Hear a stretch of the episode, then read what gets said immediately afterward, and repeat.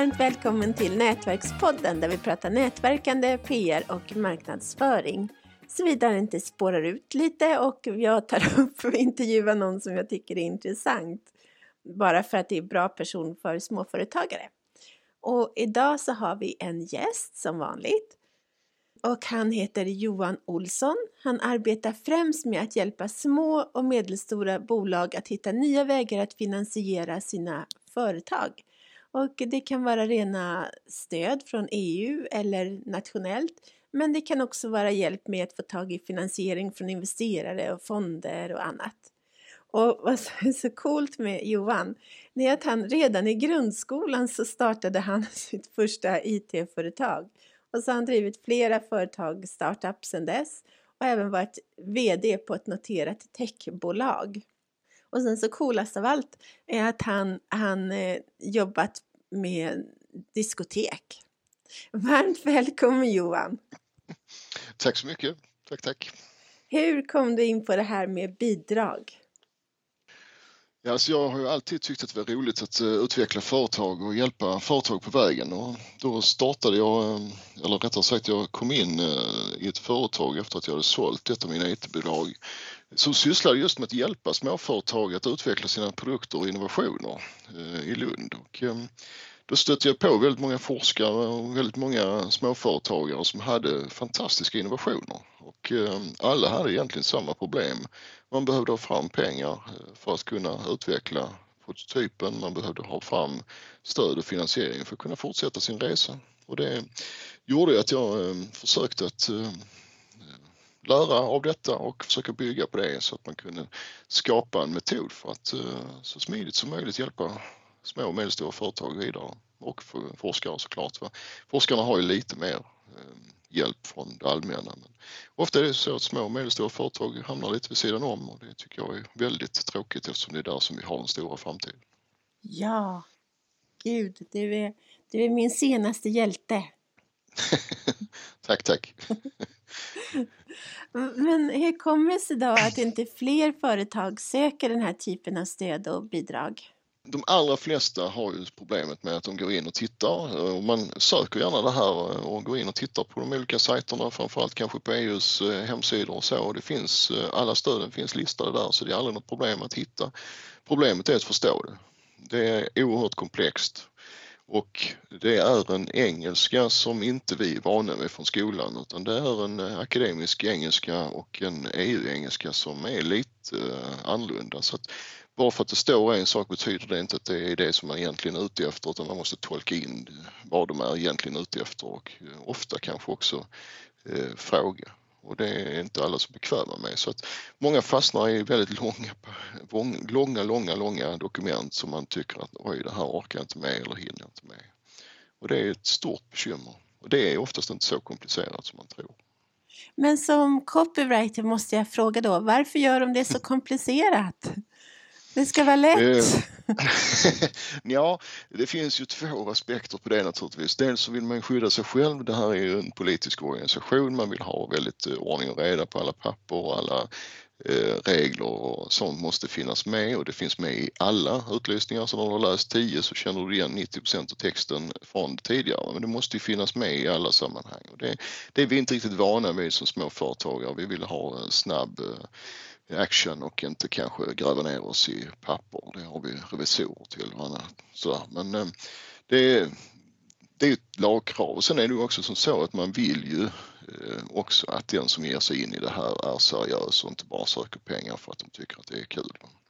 Så att lite arbete måste man vara beredd att lägga ner och det är väl det man också vill att de ska känna att du måste ha en bra idé, du måste vara beredd att satsa på det här annars så är det bättre att göra någonting annat. Ha. Mm. Jag kan tänka att det är ändå våra pengar. Så då mm. borde de underlätta för oss att få tillbaka våra pengar. ja, och det har man ju löst då genom att du kan söka pengar för att söka pengar. Åh oh, herregud. det gör inte saken lättare kanske. Nej. Eh, utan tvärtom blir det ju ganska mycket jobbigare för att då måste man plötsligt kontakta den nationella eh, myndigheten också för att kunna få pengar för att kunna söka pengar. Men gud! Eh, och det här känner man inte till och man eh, blir förvånad varje gång man upptäcker det.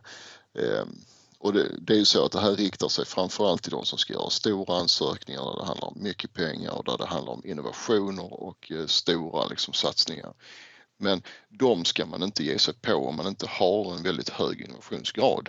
Och det är en viktig eh, lärdom att bara för att det finns 4 miljoner euro eh, att hämta så är det kanske inte där du ska sikta om det är så att din affärsidé har en helt annan inriktning. Så därför är det bättre att matcha och se till så att man är säker på att det som man gör i sin verksamhet och som man strävar efter att det här ska utveckla, det verkligen passar in. Då är det bättre kanske att söka 400 000 för att då får du dem kanske på ett lättare sätt lägga ner en massa jobb på någonting som egentligen är way off. Ja, ja. vad, vad tycker du är roligast med att hålla på med det här?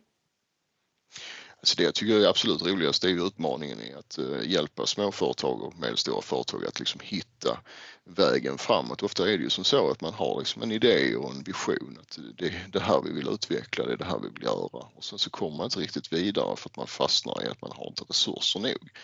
Och det, det är ju ett jättebekymmer. Sverige är fantastiskt duktiga på innovation men vi är usla på att eh, ta vara på det jämför man med andra länder så ligger vi nästan sist i entreprenöriellt eh, framgång medan vi är världsbäst på innovationer. Mm, det är här jag tycker det är kul. Ja, ja men det är jättebra att, att det finns sådana som du som, som tycker att det är kul. Det är superbra. Vad har du för tips då till de som vill utveckla sitt företag? Ja, det viktiga är ju att man har ett mål med vad det är man ska göra. Alltså om du har en uppfinning eller en idé att du ska utveckla någonting så var väldigt tydlig med att sätta det framför dig och skapa liksom din målbild och exakt vad det är du vill göra. För att då är det lättare att matcha det gentemot några av de här utlysningarna och programmen. Och det kanske är så att eh, om du eh, verkligen skissar upp ditt mål så får du också en helt annan bild av vad du har för möjligheter. Jag har varit med i många exempel där man har tänkt sig gå in och söka pengar från EU men att man de facto har hamnat i att man eh, kontaktar en kund istället. Att jag har kontaktat en av deras kunder och sagt att det här borde ni kunna hjälpa till att finansiera. Och då man har gått in och finansierat på den vägen istället. Det går mycket snabbare och mycket billigare. Vad smart! Så att, så att ha ett mål är väldigt viktigt och att planera det i tid. Mm. För det är också ett problem att du kan inte räkna med att du får stödet omedelbart bums. Det här tar tid, det ska ansökas. Jag har själv suttit som expert och rättat, eller rättat, utvärderat de här eh, ansökningarna i EU. Så jag vet ju att det tar tid och att det är komplext och därför är det viktigt att man har eh, framförhållning. Eh, det är inte covid-stöd jag pratar om nu för de är lite snabbare även om de också varit långsamma i många fall. Men det här är tre till sex månaders ansökningstid och kanske lika lång tid för att få det godkänt. Så, oh, så det måste man ha. Ah. Det måste man ha i beräkning. Om man inte talar om nationella stöd. Det är mycket, mycket snabbare. Det kan man tala om veckor. Aha. Men, så att det är den här matchningen man måste titta på och se vad är det vi behöver? Hur mycket pengar är det vi behöver? Och vad har vi mest nytta av? För det är inte alltid som det är bäst att gå till EU kanske utan det kanske är som jag säger kundfinansiering eller det kanske är så att det finns någon som eh, sitter med en hög pengar som tycker att det här är det bästa jag har hört. Då är det kanske bättre att samarbeta med dem. De har kanske erfarenhet av branschen, tycker det är kul, kan hjälpa dig med försäljning och marknadsföring. Så att man ska vara lite öppen tycker jag för att hitta vägar framåt. Ja, det är jätte, jättebra. Fler, fler tips då? Vad man, man... Eh, Ja, alltså det här med att planera och göra det här minutiöst, det, det är också en väg om man ska titta på samarbeten med nätverkande. Eh, pratar vi nätverkande i nätverkpodden. Så, eh, men det är viktigt att nätverka och hitta samarbeten, inte bara med kunder och finansiärer utan det kan också vara så att man ska ha samarbetspartner med universitet eller med andra företag i Europa. Och det, eh, det är lätt att om man bara vet var man är på väg och vad man önskar så kan man ju söka de samarbetena på ett helt annat sätt. Så planeringen är ganska väsentlig och det gör vi tillsammans oftast, eh, jag och mina klienter. Man sätter sig ner och funderar på vart är vi på väg och hur kan vi göra det här på ett nytt sätt? Och det mm. bör man alltid ta eh, höjd för. Hur mycket kostar det då förresten att anlita dig och hjälp, få hjälp med allt det här? Det är ju väldigt olika naturligtvis för att talar vi ett nationellt stöd så är det ju väldigt eh, kort tid. Va? Det, är bara, det handlar om ett par timmar. Eh, tar man ett EU-stöd så, så kan det vara fruktansvärt eh, stort arbete. Gör vi till exempel en ansökan för ett forskningslag, vilket är det mest extrema, då handlar det ju om flera veckor. Alltså vi talar om nästan en månad heltid. Oj, oj, oj. Det är flera hundra sidor. Så att det ska man veta också som småföretagare att det är inte lönt att ge sig på de ansökningarna. För att jag tror inte och jag har inte sett att någon har liksom riktigt nytta av att lägga fyra heltider, fyra eh, veckors heltidsjobb eh, på att söka någonting i framtiden. Jag vet att det är någon som skriver, eh, det är ganska vanligt man läser på nätet att ja men om du inte lyckas första gången så skickar vi in det igen andra gången. Ja men likväl så är det fyra veckor heltid för en som ska sitta och skriva. Det, det, det är inte där du ska börja tycker jag, om du inte är helt klockren. För då kan man naturligtvis diskutera det.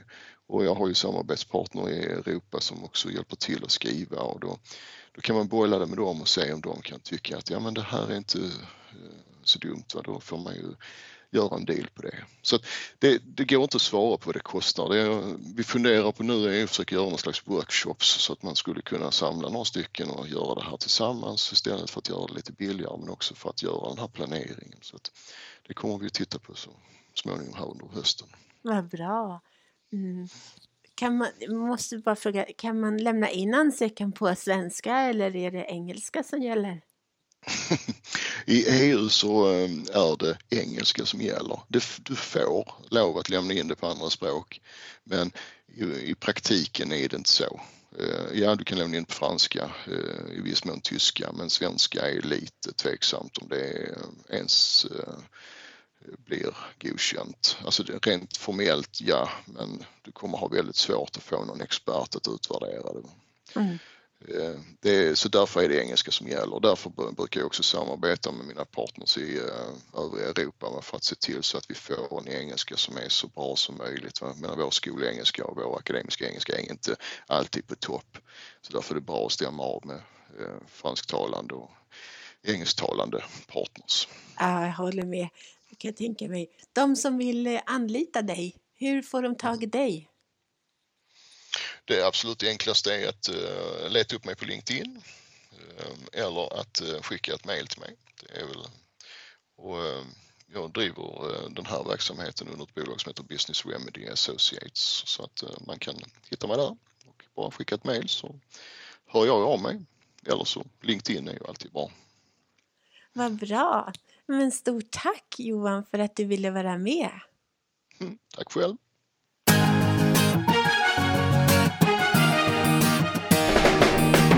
Tack för att du har lyssnat på Nätverkspodden om nätverkande, PR och marknadsföring med Nina Jansdotter och Marie Hagberg.